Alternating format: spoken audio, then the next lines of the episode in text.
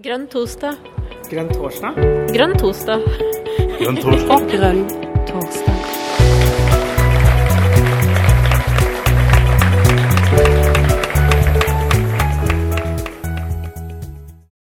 Da er alle med her, Karina. Veldig bra. Det det ser slik ut. torsdag. ut. Ja, det er grønn torsdag. Ja. Og vi har en gjest i dag. Ja, og han, gjesten han var den store overraskelsen på valgkomiteens innstilling til nytt sentralstyre i Miljøpartiet De Grønne. Det, det var han, og det var jo faktisk også en sånn kampvotering der, som eh, Jens uh, Ultveitmo, som er gjesten vår, vant med overlegen margin. Så det er ingen tvil om at han har stor backing i partiet, og det er eh, veldig gøy at han da har funnet turen til oss, så vi kan snakke litt Ja. med han og bli bedre kjent med vårt nye sentralstyre og landsstyremedlem, faktisk. Ja, det blir spennende. Og så lurer jo jeg litt på eh, hva han kjenner til av partidemokrati og sånn. Det er jo noen nyheter at han har vært i et annet parti før. Jeg vet ikke om han bare var støttemedlem støtte, støttemedlem der, eller hva, hva, det var for noe. Det, det får vi se om det kommer fram til. Ja, det, ja. Nei, men, det var i et eh, annet parti, men ikke så aktiv. ja, men velkommen. Eh, Velkommen, Ja. Jens Sultveit Moe. Takk Nå, for det. er- nå er vi spente Hvor mange, på hvor mange er inne nå? Akkurat nå så er vi 13 stykker inne, og så er det sånn at det legges ut, og vi vet at det er veldig mange som hører det på podkast og ser det på YouTube etterpå. Så bra. Mm. Mm.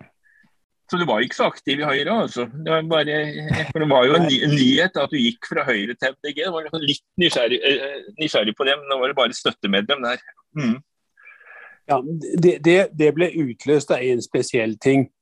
Og det var Oi. eh, regjeringens oljedeal. Ja, Som, som jeg synes var helt forferdelig, og som var eh, helt gal i det at den, den økte norsk oljeproduksjon på det tidspunktet var alle, alle trodde jeg var enige om at den skulle reduseres. Mm. Og, og eh, det var også det som jeg der syns at Som er grunnen til at jeg også arbeider Jeg skal bare Jeg må få mer strøm på. Eh, grunnen til at jeg har Skift, som er en samling av konsernsjefer, Mm. det, det er jo at både innad i Høyre, LO, NHO og for så vidt Arbeiderpartiet, så er det en stor gruppe som er opptatt av klima. Og så er det en liten, veldig aktiv gruppe som gir blanke.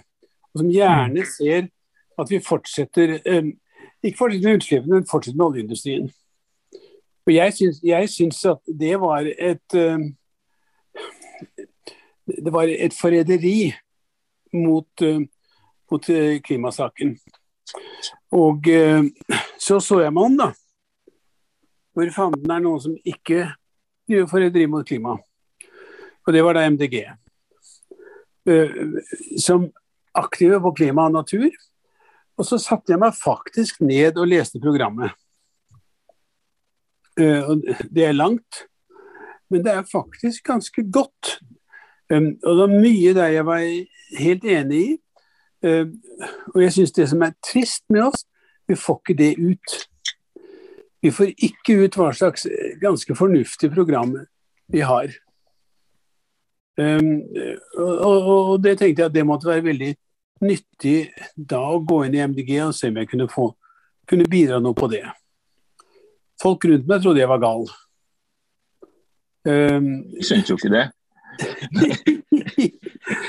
Nei, det er, det, er, det er jo litt sånn uh, Skal jeg si Folk rundt meg en god del syns det er veldig bra.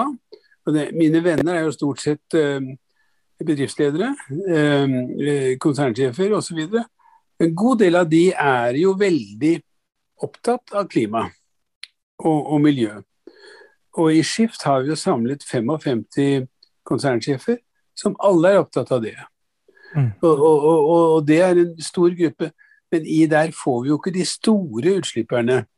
Eh, eh, Equinor, Hydro, Yara. Men, men vi har veldig mange andre store bedrifter i Norge. Eh, Storbrann, Obos, eh, Veidekke ja, osv. osv. Norgesgruppen. Ja. Mm. Uh, Jens, jeg, jeg, jobber i et uh, selskap uh, med hovedkontor i Mo i Rana, by the way. Um, og i forbindelse med det jeg, så har jeg deltatt noe i noe sånn klyngesamarbeid. som f.eks. Arctic Cluster Team, som jo er mye prosessindustri, ja. spesielt nordpå. Og for, for, noen år siden så, så snakket de en del om klimamål, og det som slo meg, det var jo at industrien de hadde jo klare, tydelige mål for å redusere klimautslipp som var betydelig mer ambisiøse enn regjeringen sin på det tiden. Vi hadde fremdeles eh, Høyre i regjering på den tiden. Eh, ikke at det ser ut som det blir noe bedre nå, men det er en annen sak. Um, Nei, nå blir det jo faktisk verre. Ja. Um, og, og, og, og uh, hvis du ser på hva som har skjedd i Norge siden 1990, så har vi ikke redusert utslipp. Det, vi har redusert utslipp med 1 det er ingenting. Mm. EU har redusert med 23% Men industrien er redusert. Industrien har faktisk gjort jobben. Mm. De som ikke har gjort jobben, er husholdningene og resten av samfunnet.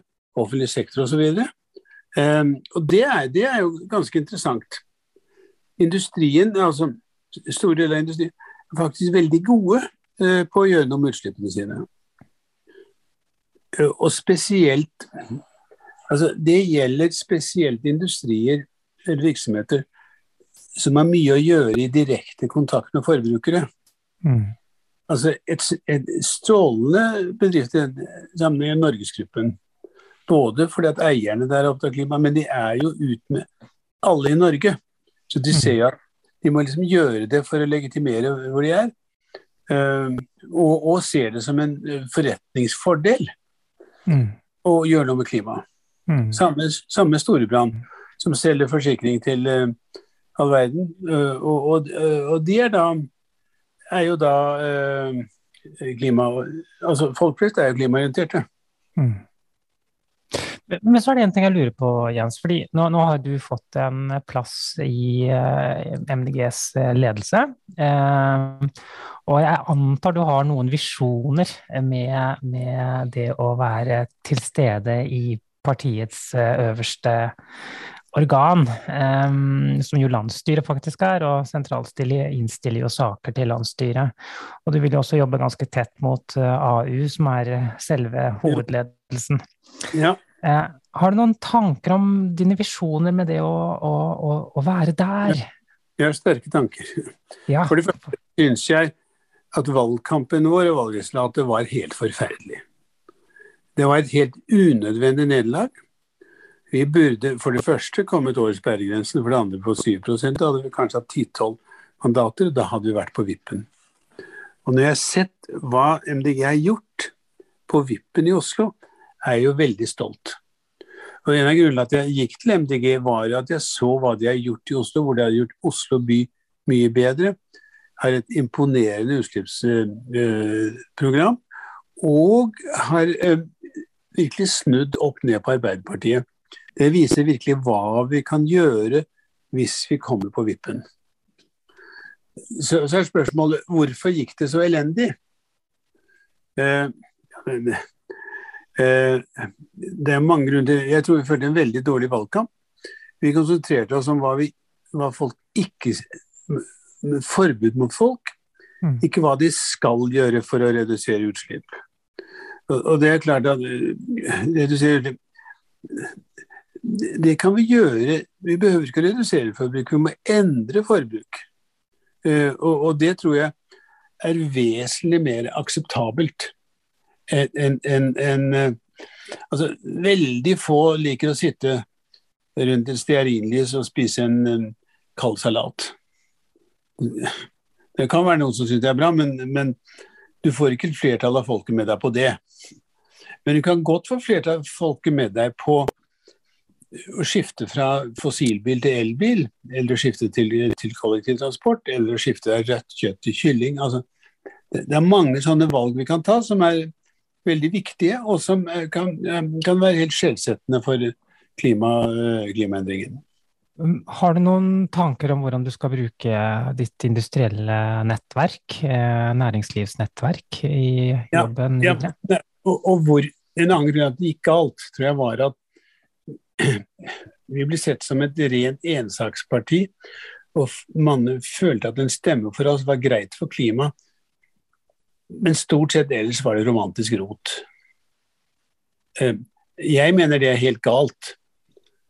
Men, men, men, romantisk rot fra en sekt er ikke det du putter stemmen til, og en del hadde det inntrykket.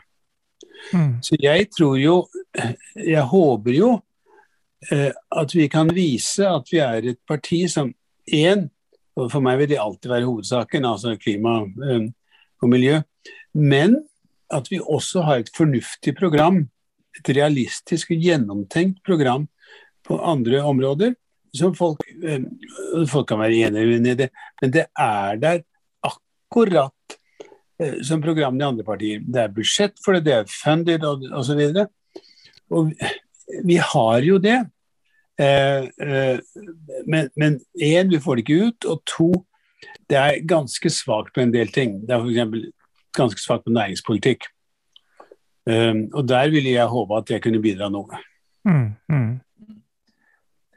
Veldig, veldig bra. Eh, jeg, det der med ensaksparti, er det sånn at det er de andre Jeg har i hvert fall tatt meg å tenke at de andre partiene gjør det de kan for å stemple oss som et ensaksparti. Ja, det gjør du. Og, ja, for da blir vi liksom mer, mer ufarlige. Mm. Ja, ja. Så, det er barnehage. Altså, så vi må jo mm. Politikk er tøffe greier. De gjør hva de kan for å mm. spenne bein for oss. Men, men, mm. men, men, ta nå revidert budsjett. Haltbrekken i SV og Rotevatn fra Venstre var ute, og det var klima og, og økonomi. Vi var ikke på banen i det hele tatt, som jeg kunne plukke opp. Men vi har jo faktisk en økonomisk politikk og kan kommentere på Eh, revidert eh, på saklig grunnlag. Men jeg vet ikke om vi har eh, kompetansen inne. F.eks. når vi snakker om skatter, kunne vi jo snakke om kvoter, selge kvoter, sånn som EU gjør. EU nå skal selge kvoter for 20 milliarder euro for å finansiere hjelpen til utslippskvoter. For å finansiere hjelpen til Ukraina. Uh, og det er liksom Vi må være litt kreative sånn. Uh, uh, og det, Om det er det riktige, vet ikke jeg, men det ville i hvert fall vært et utspill som har vært annerledes, og som ikke var negativt. Mm. Men det å ha positive utspill, det, det har jo nok alt å tjene på. At det ikke den moralpekefingeren som vi ofte har blitt. At vi, vi er vi kommer hele tida med negative ting. Men det var en annen ting ja, eh, vi, vi, blir jo plassert på venstresida. Eh, ja. vi mener at vi kanskje ikke er der, at vi er i en annen dimensjon, men vi blir ofte plassert der. Men hvis vi kommer på vippen, du snakka jo om på vippen og vi har jo endra Arbeiderpartiet. Men greier vi å eh, Hvis vi gikk på vippen med Høyre, ville vi endra Høyre, eller tror du ikke at Høyre ville være villig til å gå med oss på vippen. Jeg syns jeg, jeg, jeg ser visse tendenser. Jeg tror Høyre er mye lettere å snu enn Arbeiderpartiet. Og Grunnen til det er jo at LO betaler Arbeiderpartiet 70 millioner kroner i året. Og, og, og der har de en privilegert tilgang. Og Fellesforbundet er imot klimahandling for olje. Mm. Um, så, så, så, selv om Jonas Gahr Støre og Espen sånn er veldig for klimahandling, så kan de ikke gjøre det med, uh, i kontrast mot LO. Høyre har ikke den type binding. De har, uh, de har en slags binding med oljeverdenen på Vestlandet, som jo er så, som Erna er ganske opptatt av. Men jeg tror det er mulig å snu det nå som tiden går, til, at, til å være et oljeprosjekt til å være et grønt prosjekt. Og, som da gir arbeid til verftene og, ut, og serviceindustrien på Vestlandet. Og for de få jobbene som er igjen i olje, være der. Og huske på at i olje er det ansatt en tiendedel av hva vi har i helse. Det er 50 000 mennesker i produksjonen av olje. 20 000 direkte. Dette er tallene i, i, i, fra Statistisk sentralbyrå. Så er det i tillegg 100 000 eller så i, i supply-næringen. Men de skifter jo nå fort over til havvind og det andre av grønne skiftet. Sånn at, sånn at det, det inntrykk mange har, at vi med det grønne skiftet vil ha massearbeidsløshet, er totalt vås. Faktisk vil det grønne skiftet kreve flere jobber enn oljen. Eh, og problemet er mye mer mangel på arbeidskraft enn arbeidsløshet. Dette er enkle poenger. Å få de over blir hva vi snakker om det grønne skiftet, mye mindre truende. Jeg kan kjenne at jeg allerede gleder meg til at du sitter i Dagsnytt 18 og sier disse tingene her. Eh, Jens ja, ja, men det er, det, det, ja, det er veldig viktig. Og det er sånn. Ja. Veldig bra. Det er, det er sånn jeg Skal vi bare, slippe på folk? Ja, var det jeg tenkte jeg skulle si, Jon. At eh, det er mulig å rekke opp ja, hånda hvis du ønsker å spørre Jens Ultveit eh, Mo om noe. Jeg så at Gunn Kari uh, smilte litt her i stad. Ja, men Gunn Kari pusser sølvtøyet sitt, hun. Ja. men der rakk hun opp hånden. Så vi uh, Vær så god, Gunn Kari. Eh, takk for det, og veldig morsomt. Jeg vil si jo Jens, da. Vi har lov til det dager, selv om vi også har ganske voksne alder. Fantastisk at du har kommet inn. Og jeg har jo savnet næringspolitikk og næringsliv i MDG. Og jeg har en hypotese at det er langt flere næringslivsledere. Jeg har klart å lage en gruppe på tolv stykker her i Trondheim-Trøndelag som er et, et næringslivsnettverk av litt erfarne næringslivsfolk. Hva Kunne du si noe mer om hva du legger i næringspolitikk og hva vi bør gjøre der. Og etter hvert komme inn på hva de store kommunene, sånn som Trondheim, og de store fylkene bør gjøre på næringspolitikken. For det er en utrygghet rundt oss at vi kan skape arbeidsledighet. Og mange og, ikke skape de verdiene som velferdsstaten trenger. Ja, To ting der. For det første så jeg det om, om sysselsetting. Det, det grønne skiftet krever flere jobber enn oljeverdenen. Men, men de er dårligere betalt. I olje, Oljen har gjennomsnittlig 40% mer enn alle andre.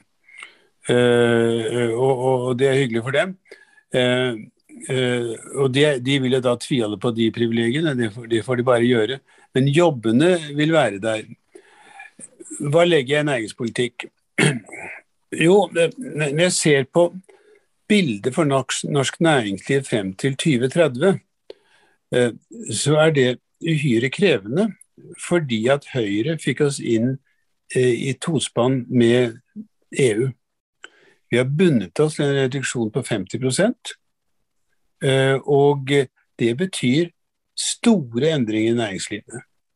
Det, det betyr jo storstilt elektrifisering. og Da må vi, da må vi se på uh, havvind det kommer kanskje uh, for sent. Vi må se på, etter mitt syn, uh, vindmøller på land. Og vi trenger masse elektrisitet for å gjøre det grønne skiftet. Jeg ser det i jordbruket, som er elefanten i rommet, som har fått lov til å sitte stille og slippe ut masse. Der eh, bio, eh, skifter de biogass og eh, se på hele, hele eh, rødt kjøttindustrien, om ikke den kan snu over til eh, arter som ikke forurenser like mye. Jeg ser på skattepolitikken, som bør endres ganske dramatisk, slik at vi tar vesentlig høyere skatter på det som, det som forurenser, og mindre på det vi vil ha. I øyeblikket gjør vi, gjør vi, ikke det særlig aktivt. Det er litt med elbiler, men det er litt overdrevet. Ehm, så det ser jeg i næringspolitikken. Så hadde jeg sånn, Og så tror jeg noe med at staten skal bruke sin innkjøpsmakt i å spesifisere eh, produkter eh, som er gode på utslipp. Jeg hadde en opplevelse på det i dag. Jeg er i styret i Ruter, og vi var ute på Ruters park med elbusser. De fortalte da at for fem-seks år siden eh, så sa de at de ville skifte til elbusser, og det var ingen av eh, bilprodusentene som ønsket det. Lastebilene var alle drevet med dieselmotorer, og busser er jo ikke lastebiler, bare med et annet, annet overbygg. Men da sa Ruter, ikke pokker, vi, vi skal ha elbiler. Og Daimler-Benz spurte da når tror dere at um, fossile motorer vil bli forbudt i Oslo? Han sa snart, senest 2025. Så gikk Ruter sammen med åtte andre byer som skulle kjøpe elbusser, og nå er flere produsenter av elbusser utviklet. Og Oslo har eh, bare elbusser, omtrent i, i, kollektivtrafikken, med store eh, utslippsbesparelser. Og det har skjedd eh, fordi offentlig sektor brukte sin innkjøpsmakt. Jeg ser det videre på, på bygg. Bygg står for 40% av utslippene. Oslo har gjort en del der med 40 av utslippene. En, en 25 av det er uh, under konstruksjon av bygg. Uh, der bør vi kunne bruke uh, elektriske gravemaskiner, elektriske lastebiler osv. Men fremfor alt gjøre noe med sement. Sement er det verste som er. Sement produksjon av sement består faktisk i å ta kalksten og ta CO2-en ut av den ut i luften og bruke kalkstenen til sement. Det, finnes grønn sement, riktignok i litt lite volum, men om vi går til grønn sement, vil det øke prisen på et bygg med bare 1-2 e, e, Eksempel på eksempel. Eh, det er også eh, altså det som virkelig teller på utslipp. Det er jo først fossilt, det vet vi. Så er det metaller. Eh, er, eh, det er stålproduksjon, som er typisk redusert ved kull. Det kan gjøres med hydrogen. Det er en omstilling som er krevende. Vi har det med sement, som jeg snakket om. Der er det jo prosjekter på gang med CCS eh, for å kjøre den CO2-en ned i, i jorden igjen. Men er, så, så, For å summere da for næringspolitikk, så ser jeg én eh, at bedriftene ser hvor de kan ha eh, skape verdier ved å, å gå for et grønt skifte. Um, uh, og det skjer jo nå. Um, uh, for ti år siden var det ikke sånn. Men nå er, det jo, uh, nå er det jo det å satse på det grønne skiftet i bedriften din for det første profitabelt, og for det andre reduserer det risikoen. Eh, fordi at det å bli stående med, nå med en, en, en dieselbuss eller diesellastebil eller eh, med forurensende løsninger, betyr jo at du blir skjøvet ut ganske raskt. Eh, slik at det, er veldig, det, det øker din risiko at du ikke aktivt er med på den grønne omstillingen. Det var omstendelig svar, men eh, litt strøtanker er det jo. Ja, Gunn eh, Kari, var du fornøyd med svaret? Har du noe oppfølgende spørsmål, eh, kanskje? Du kan redusere metallene med trekull istedenfor kull, koks. Ja. ja. Bør, ikke, bør, ikke, gå til hydrogen. Ikke nødvendigvis, men avhengig av caset, da. Ja. Og så er det hvor mye av det vi har. Trekull. Eh, men det er jo et stålverk i Sverige nå eh, som lager stål eh, grønt. Med, bare med grønn elektrisitet.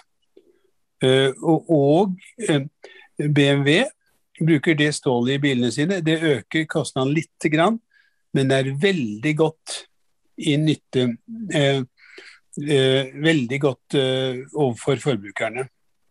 Det samme skjer i Norsk Shipping. Eh, der er det Shipping er et problem. Det er store utslipp. Jeg kan det veldig godt, for jeg har vært reder i mange år. Eh, det, det, det er en ganske konservativ bransje. Men der hvor det skjer endring veldig raskt, er med car carriers, altså de som frakter biler. For der forlanger Volkswagen og BMW nå at det skal være nullutslipp fra A til Å i produksjonen, og da må også, eh, også sjøtransporten av ferdige biler ned.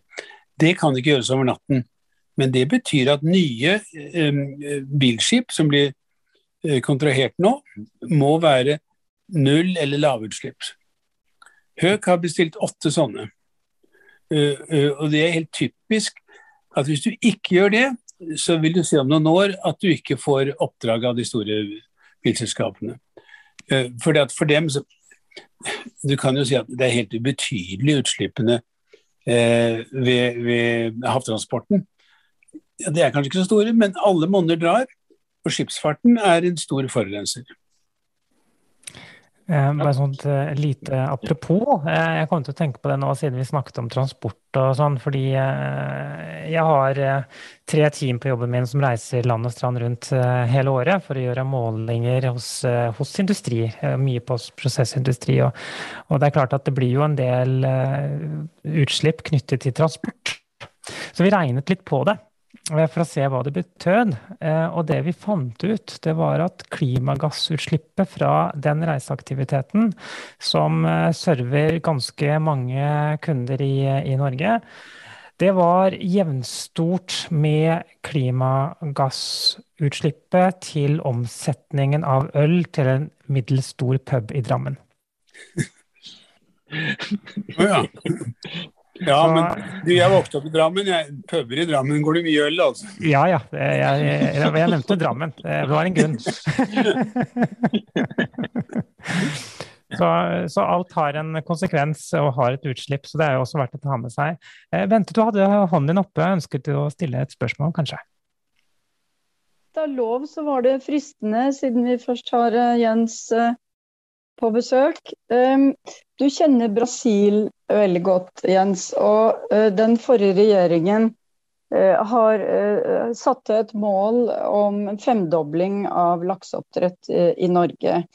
Jeg kunne tenke meg å høre dine tanker rundt dette med fôr fra Brasil, kanskje særlig soya, da, til lakseoppdrett. Om du har noen tanker rundt gode alternativer, og om du har vært noe si, i noen av de diskusjonene, da, siden du ja, jeg, kjenner landet godt. Mm. Jeg var i Brasil forrige uke, ja. Eh, og var da også på forsøkssenteret for, eh, for genmodifiserte planter. Eh, jeg var ikke på soy. Jeg dyrker jo sukkerrør i, i Brasil. Mm. På en gård på 400 000 mål. Så ut av det så lager jeg etanol som er det 70% av bilene i Brasil går på. Mm. Det var en øyenåpner å se hvor, hvor, langt de kom med genmodifisering, og hvor viktig det er i en klimasammenheng. Eh, det reduserer bruk av gjødsel eh, betraktelig. Eh, det reduserer også bruk av sprøytemidler betraktelig. Så så, så, det var faktisk overraskende for meg at det, det kunne gjøre såpass mye. Og, og, du får bedre planter ut av det. Mm. Uh, nå er det jo ikke noe problem med uh, sukkerrør for menneskeføde. Soy er jo veldig stort i Brasil, uh, og det er stort sett genmodifisert fordi det er så veldig store fordeler med utøy og, og, og så videre. Sånn at Sånn at soy tror jeg sånn sett kan være ganske bra for oppdrettsnæringen. Men jeg er ikke riktig sikker på om de bruker uh, genmodifisert eller ikke. Det, det, det, kan jeg rett og slett ikke. Nei. Etter mitt syn bør de gjøre det, men uh, det er jo uh, mange i Europa som er veldig imot genmodifikasjon av planter. Som jeg tror har veldig mye å gjøre med at de misliker USA, men det er en litt annet poeng. Ja. Eh, ja. Og det har skjedd veldig mye på det nå med CRISPR, og hvordan man kan liksom designe plantene. Det er helt utrolig.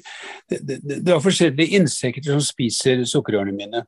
Mm. De modifiserte plantene slik at de kunne eh, ekskludere det ene av det andre av disse små ekle dyrene. Akkurat. Ja. ja.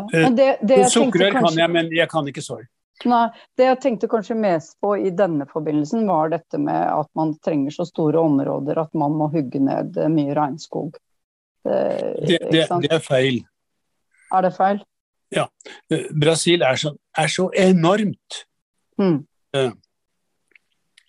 Du har det med eh, eh, eh, er så enormt. Eh, og det er en god del eh, upleid mark, for å si det sånn. Der hvor jeg har gården min, er det 2000 km til Amazonas. Ja. Um, ja. Og det er 2000 km med jordbruksområde. Mm. Så, så det, øh, og- det gjør da 70% av drivstoffet for, for brasilianske biler, øh, og tar ca. 1% av arealet. Akkurat. Brasil er så enormt. Mm. Nå betyr ikke det at Brasil eh, og Bolsonaro spesifikt eh, ikke er særlig opptatt av eh, eh, og regnskog. Eh, han ser gjerne at hele greia eh, Forsvinner. Mm. Ja, forsvinner. Eh, eh, men der er det nå sannsynlig at Lula vinner valget i høsten. Mm. Han er noe bedre på dette. Ja. Men, men, men, men å komme fra Norge til Brasil, sånn som jeg gjorde, var jo i en annen verden. For det første er krigen i, krigen i, eh, i Europa er det noe som er langt borte og ikke bryr dem noe, noe særlig, i Ukraina. Eh, Og for det andre så er eh, utslipp og sånn ganske underordnet. Ja. Dessverre, dessverre. Ja. ja. ja. men takk skal du ha for de tankene, Jens. Nyttig. Har du noen flere spørsmål eller oppfølgende, Bente, så er det lov å komme med oppfølgende Ja, jeg spørsmål. tenkte, jeg tenkte det var fristende i sted, siden eh, men så tok, tok jeg hånden ned, for jeg var litt usikker på om, om det var lov. Men jeg er fornøyd jeg nå. Tusen takk eh, for det. Bare hyggelig, Bente. Sigve. Sigve. Men Sigve, Sigve kaster seg på. Ja. Du kamera også, Sigve? Ja. Jeg har både kamera og mic, holdt på å si. Ja. Jeg må jo kaste meg litt på når vi har uh, muligheten her, og høre på en næringslivsleder som har holdt på i mange år, både oppturer og nedturer. Og nå uh, se om det blir en opptur i De grønne, får vi jo se etter hvert. Men spennende er det, der, Jens. Og uh, dette med bare noen kommentarer når du sier Det er jo ofte det at uh, dette med ensaksparti men som du har gjort, hvis folk gjør som du har gjort og leser hele partiet, så ser de jo at eh, vi er langt fra et ensaksparti. Vi har politikk på de fleste områder. ja det, det er helt sant. Så, så kanskje det er utfordringer som får de faktisk til å bry seg og lese. Det, det bør de gjøre, og det gjør de ikke. Nei, dessverre. Det, det er vi som må kommunisere det. Ja. Eh, eh, og, og, se på Moxnes, da, eh, som kommuniserer noe helt annet enn det som står i, står, står i programmet eh, til, til, til hans parti. Og Det er derfor han blir akseptert av en del. Så det, det er hva, hva frontfiguren bringer ut, som jeg tror er, er, er det viktigste. Og det, det er synd, og, da tror jeg både Arild og Une må prøve å komme på banen med de andre elementene av uh, vårt program. Yeah. Med, med sånn eh, konstruktive innspill som det jeg har snakket om nå. Ja, og så har jeg lyst til å bare gå litt videre eh, på dette med Du snakker jo Vi vet jo alle at vi har dårlig tid. Og eh, næringsministeren sa på Broen til eh, framtiden at vi må kutte nå tre millioner tonn CO2-ekvivalenter hvert år hvis vi skal klare å nå målene våre Ja. Ja. innen 2030. Og, og du var litt inne på dette at uh, dette med f.eks. elektrifisering av havvind og sånn, er- vi rekker det kanskje ikke tidsnok. Og da var det nevnt med land, vindmøller på land. Men jeg jeg jo- brenner jo og jobber for her i Kongsberg på at eh, dypgeotermisk energi skal tas tak i. Og vi har masse brønner allerede, og der kan vi da bruke varmtvann. Og pumpe opp og bruke eh, damp eh, nesten til å, få strøm der ute. Hva tenker du om det? Jeg har tre sånne brønner i huset mitt her hvor jeg sitter nå. Uh, så jeg tror jeg har brukt jordvarme, må jo være helt riktig. Hvor effektiv jeg er på skala, vet jeg rett og slett ikke. På Island, på Island tror jeg det blir brukt i skala. Og også på en del av Afrika hvor det er nær vulkansk aktivitet. Hvordan det er i Norge vet ikke jeg, men det vet sikkert du bedre. Ja.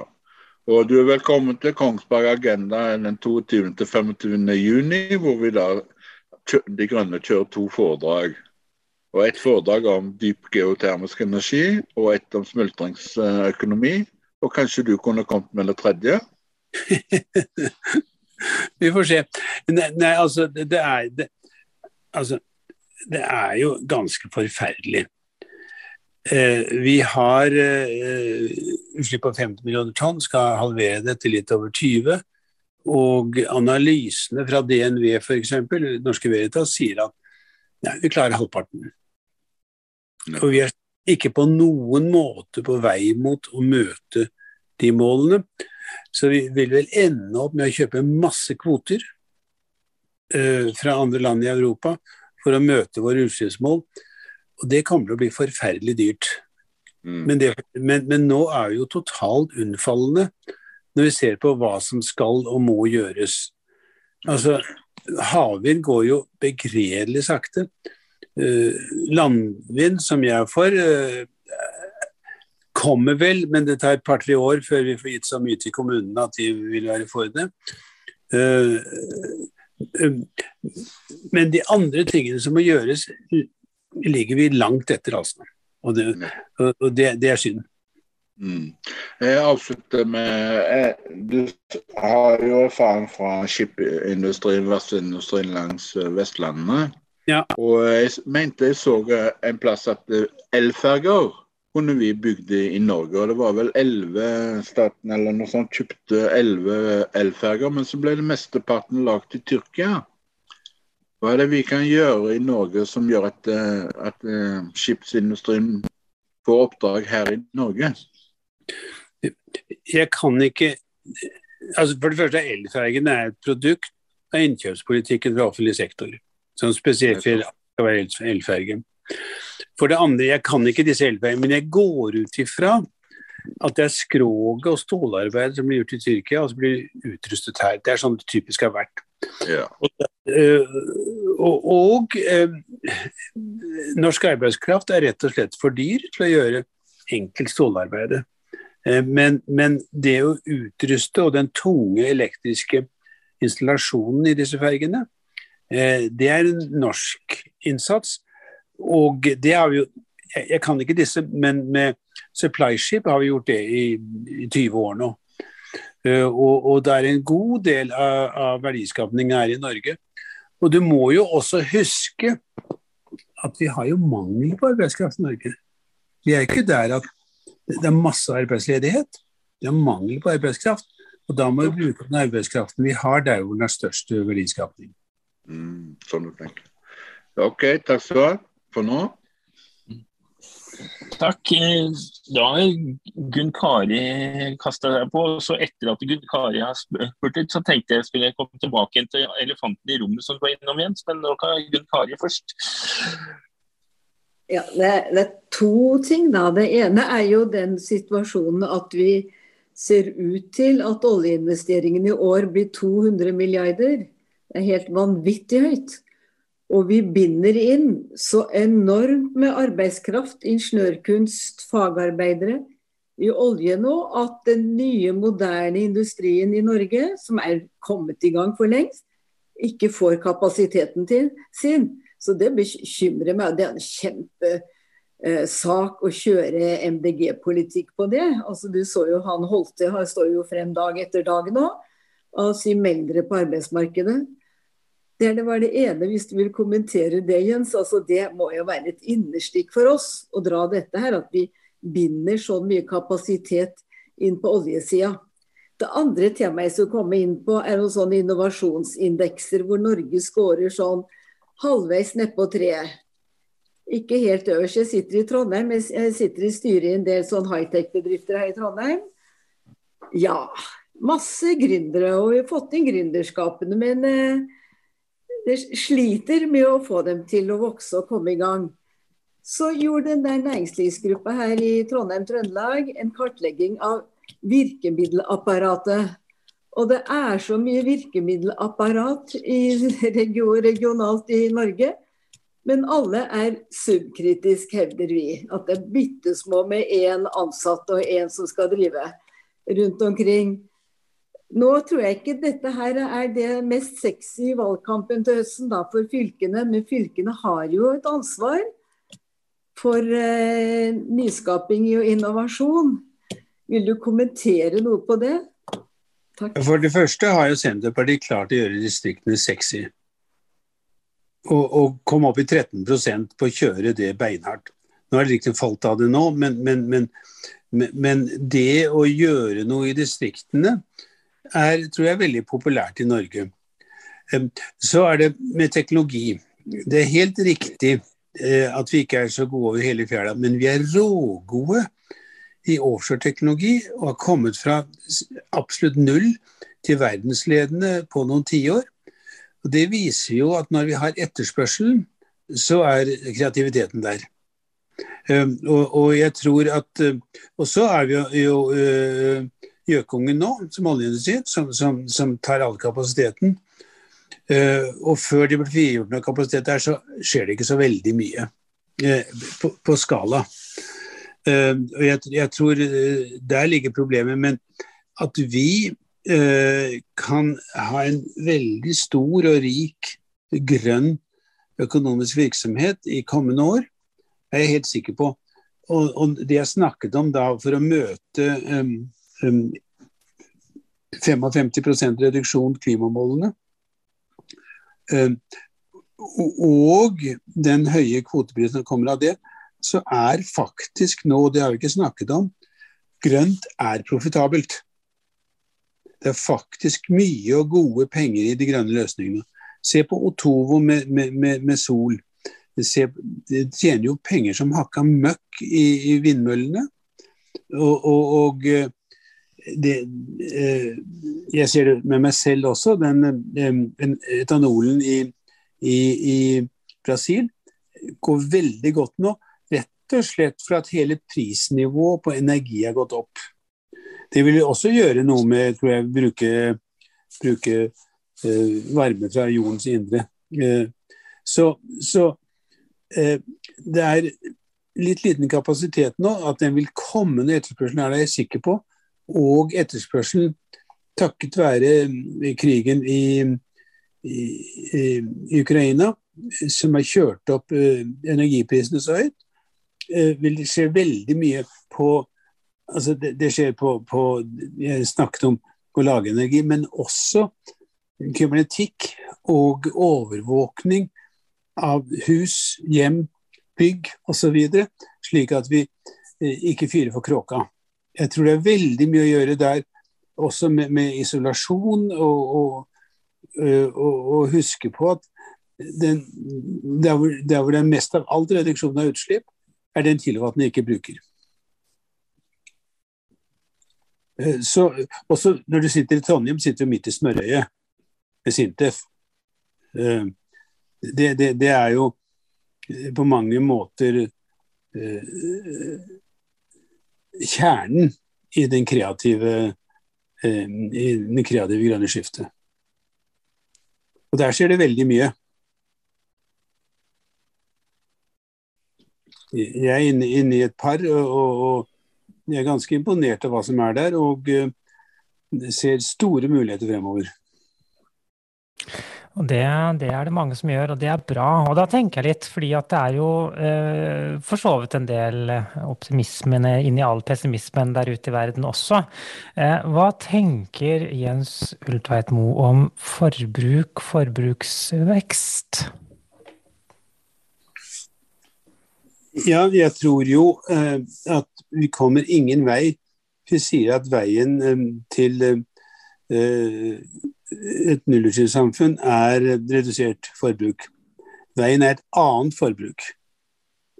Det er f.eks. For forbruk av energi i et hus kan jo reduseres dramatisk ved isolasjon og overvåkning av, av, av, overvåkning av temperatur, nattesenkning osv. Jeg tror også at det er en god del av det mest ødeleggende CO2-intensive som klart bør skattlegges hardt, slik at vi får, får redusert det forbruket. Men jeg er helt trygg på at vår linje med at vi skal leve nøysomt, redusere forbruket på alt og helst gå, er en sikker vei til å forbli en sekt på 3 %-nivå. Det er ikke særlig romantisk. Nei, det var ikke så veldig romantisk. Du har, det, det, det har du for så vidt helt, helt, helt, rett i. Eh, så, så, eh, men jeg forstår det sånn at inngangs, eh, din her er at skal vi få folk med oss, så har det noe med kommunikasjonen vår å gjøre også. Ja. Og, og, at, og, det å snakke om at, du, at, at forbruket skal ned, det, det, er ikke sexy nok da, til Nei, at det gir oss stemmer? Forbruket skal, skal vris til mindre mm. utslipp. Mm. Og du har jo også slik, altså, da med klærne, at de skal gjenbrukes. Sirkulærøkonomien er jo en viktig del her. ikke sant? Eh, og det er masse du kan, skal, må og bør gjøre. Men bare å mase på at forbrukersamfunnet eh, er ødeleggende i seg selv, det er jo riktig nok når forbruket har den strukturen det har i dag. Men mm. vi kan godt ha det eh, et, et, høyt forbruk med andre ting som slipper ut mindre. Eh, tusen takk. Og så er det sånn da, eh, at eh, Jon han sitter der og har det han kaller elefanten i rommet, som han ønsker å snakke om. Men før han tar ordet, eh, for han kommer til å ta det ganske snart, så, så tenkte jeg at er, mens Jon prater nå, så er det faktisk nærmere seg siste mulighet for å tegne seg for de som ønsker å stille spørsmål. Så rekk opp hånden hvis du har et spørsmål på lur, eller noe du lurer på. Vær så god, Jon. Takk. Nå var det vel ikke jeg som brukte begrepet 'elefanten i rommet', men Jens eh, brukte det ganske tidlig her, eh, og knytta det opp mot jordbruket. Og MDG har jo fronta ganske ofte behovet for å produsere mat, og at jordbruket er en et viktig element i den beredskapsdelen. Vi er jo et parti som er opptatt av, eh, hvis vi kan kalle det beredskap, da, på, eh, på flere, flere, områder. og Da er jo matproduksjon viktig, og spesielt nå når vi ser da at eh, de store aktørene på hvete og, bygg eh, nå plutselig er, i krig med hverandre, og India eh, har litt utfordringer. og sånn, så mm, jeg, jeg, tror vel ikke at du tenkte at vi ikke skulle produsere mat i, i Norge. Eh, Nei, For det, det første så er vi en mm. stormakt i eksport av mat. Det er få land som eksporterer så mye mat per capita som Norge gjør. Vi er en stormakt på mm. fisk. Eh, og, og, og, det er jo en uh, gjennom vellykket næring og uh, veldig profitabel. Så, sånn at, og, og, slik at vi med det har vesentlig mer proteiner enn det vi klarer å konsumere innenlands. Så har vi et jordbruk som har en helt irrasjonell struktur, etter mitt syn. veldig små enheter men som er veldig flinke, faktisk, i sin eh, tekniske omstilling. Eh, og det skjer jo en del der også, eh, med at du får større, eh, større, enheter ved at folk bare bor på gården og leier bort jorden. Eh, eh, men det er nå det. jeg var innom rødt kjøtt. som jo er vesentlig verre enn flyreiser. Eh, og som vi klart eh, bør eh, redusere. Og det er jo både kuenes fordøyelsesprosess, som er metan ute i begge ender. Og også det som brukes av kraftfôr der. Det kan jo gjøres med, som jeg, innom kylling, gris og andre former. Så der går, det, der går det å gjøre ganske mye. Så har du i tillegg eh, Biogass er veldig interessant. Eh, for der er det faktisk Det er ren metan. Eh, så samle inn det eh, er eh, veldig godt klimaprosjekt. I tillegg så har vi jo at eh, vi, vi, vi, har tradisjonelt brukt altfor mye gjødsel. Overgjødslet. Det er jo metoder nå som kan redusere det dramatisk ved at vi ikke vender jorden så mye som vi gjør. Vi kan allikevel få, uh, få vekstene opp. Sånn at det er mange ganske små ting som kan redusere utslippene av jordbruket betraktelig. Og det er jo veldig store. Jeg har sett tall på 8% av verdens uh, uh, utslipp er rødt kjøtt, altså fehold.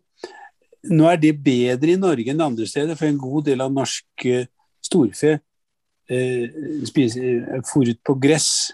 Den delen er jo da et Altså, gresset binder jo CO2 når det vokser, og når det så går i kua, så, så går det greit. Men stort sett så er jo norsk husdyr eh, kjørt på kraftfôr, som i betydelig grad er importert. Eh, kornet vårt er jo ofte så dårlig at det ikke egner seg for menneskeforbruk. Eh, men det tok jo også den andre dimensjonen her, eh, som er Ukraina. Som jo er veldig alvorlig i en verdenssammenheng. Vi vil jo nå FN sa at det var 270 millioner mennesker som er sultne i et øyeblikk. Det vil, bli, det vil bli stadig flere når Ukraina er ekskludert fra verdens skolemarked. Det betyr ikke så mye for oss, vi sitter jo bak våre tollmurer, har det sånn sett bra. Men, men, men, for verden er dette et veldig stort problem. Men det var Norge du tenkte på, ikke verden.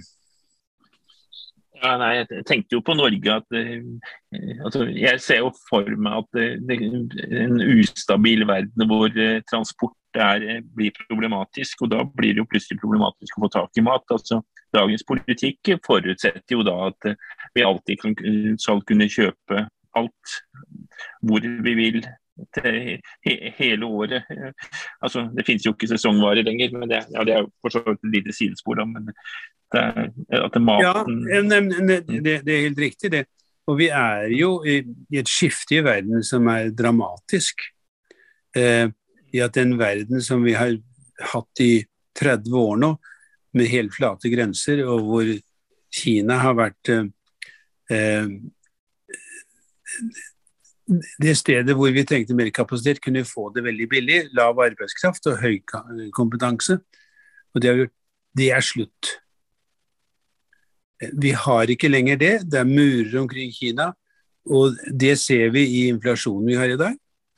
Og vi ser det jo også uh, i matvarene, selv om de ikke Vi ser det på industrivarene. Det er jo stadig Vi opplever knapphet på alt mulig rart, fra medisiner til biler til reservedeler. Og det er en del av den nye, vanskelige verden. Uh, uh, på matvarer er vi jo, som jeg sa, storeksportører. Så vi har en ganske god bytteposisjon der. Og, og, og, og laks er jo fornem nød. Ja, det kan du for så vidt uh, si. Um, det er eh, flere sider ved, ved akkurat det. Um, vedkommende som kaller seg Gullborg, har eh, rukket opp hånden. Har du lyst til å ta ordet? Ja, det er meg. ja. Det heter ikke Gullborg, det heter um... Jeg ser Gullborg sitter rett bak deg. Ja, Gullborg sitter rett bak meg. Ja, så det er jeg heter Reidar, og er også eh, MDG-er fra Moss. Og det jeg hadde lyst til å ta litt opp med deg, det er hvordan du tenker vei kontra jernbane. Altså, vi er bl.a. inne på eh, laks nå. Og vi er en gjeng her i Østfold som har det også krangla ganske mye med eh, Bane Nor og staten når det gjelder på en måte eh, eh intercitybanen i Østfold. Fordi at vi mener at det som vi må gjøre nå, er å bygge en eh, jernbane for gods- og høyhastighetstog mellom Oslo og Gøteborg, slik at vi får kobla oss på det europeiske jernbanenettet. Ikke sant? Og at, også, at det også er en forutsetning da, for at man skal kunne bygge ut det videre eh, jernbanenettet i, i, Norge. Fordi at, eh, at, at dette Oslo-Göteborg-forbindelsen det, det, er på en måte porten til Europa. Ikke sant? Og den har vi ikke nå i dag. Og jeg tenker at Uten den så vil det også bli litt vanskelig å uh, satse på jernbane. Og Hvis vi tenker laks, f.eks. laks mot det europeiske, uh, europeiske markedet, så, så, tror jeg det går mye raskere med tog enn det f.eks. går med lastebiler fra Nord-Norge og til Europa. Så om det er god MDG-politikk og ja, ja, altså, Jernbane versus vei. Ja. En eksisterende jernbane med tog på er, er veldig bra. Eh, det, det, krever veldig mye mindre energi enn en lastebil. Ja. Ja, I dag arbeider jeg med trikk versus uh, buss, uh, og, og, skinnegående har jo veldig lavt energiforbruk. Ja. Slik at så lenge du kan ha togene på eksisterende skinner, er det en veldig sterk eh, miljøløsning. Ja. Jeg kan det ikke, men jeg tror ikke det samme er tilfellet hvis vi skal bygge nye. For, for, at arbeidet med å bygge nye jernbaner er så enormt. Mm. Og jeg forstår spesielt så i Østfold, for det er, kvikk, eh, det er kvikkleire. Så det må gjøres eh, enormt mye arbeid. Så det er ikke like åpenbart der. Du har, jo, du har jo også fra, fra Vestlandet til ja. kontinentet mm. eh, eh, sjøverts. Ja. Eh, det, det, det, det, er jo også Skip har jo veldig lave utslipp per tonnmil. Ja. Så, så, så, jeg tror at eh, eh jernbane på eksisterende banelegeme er det beste av alt.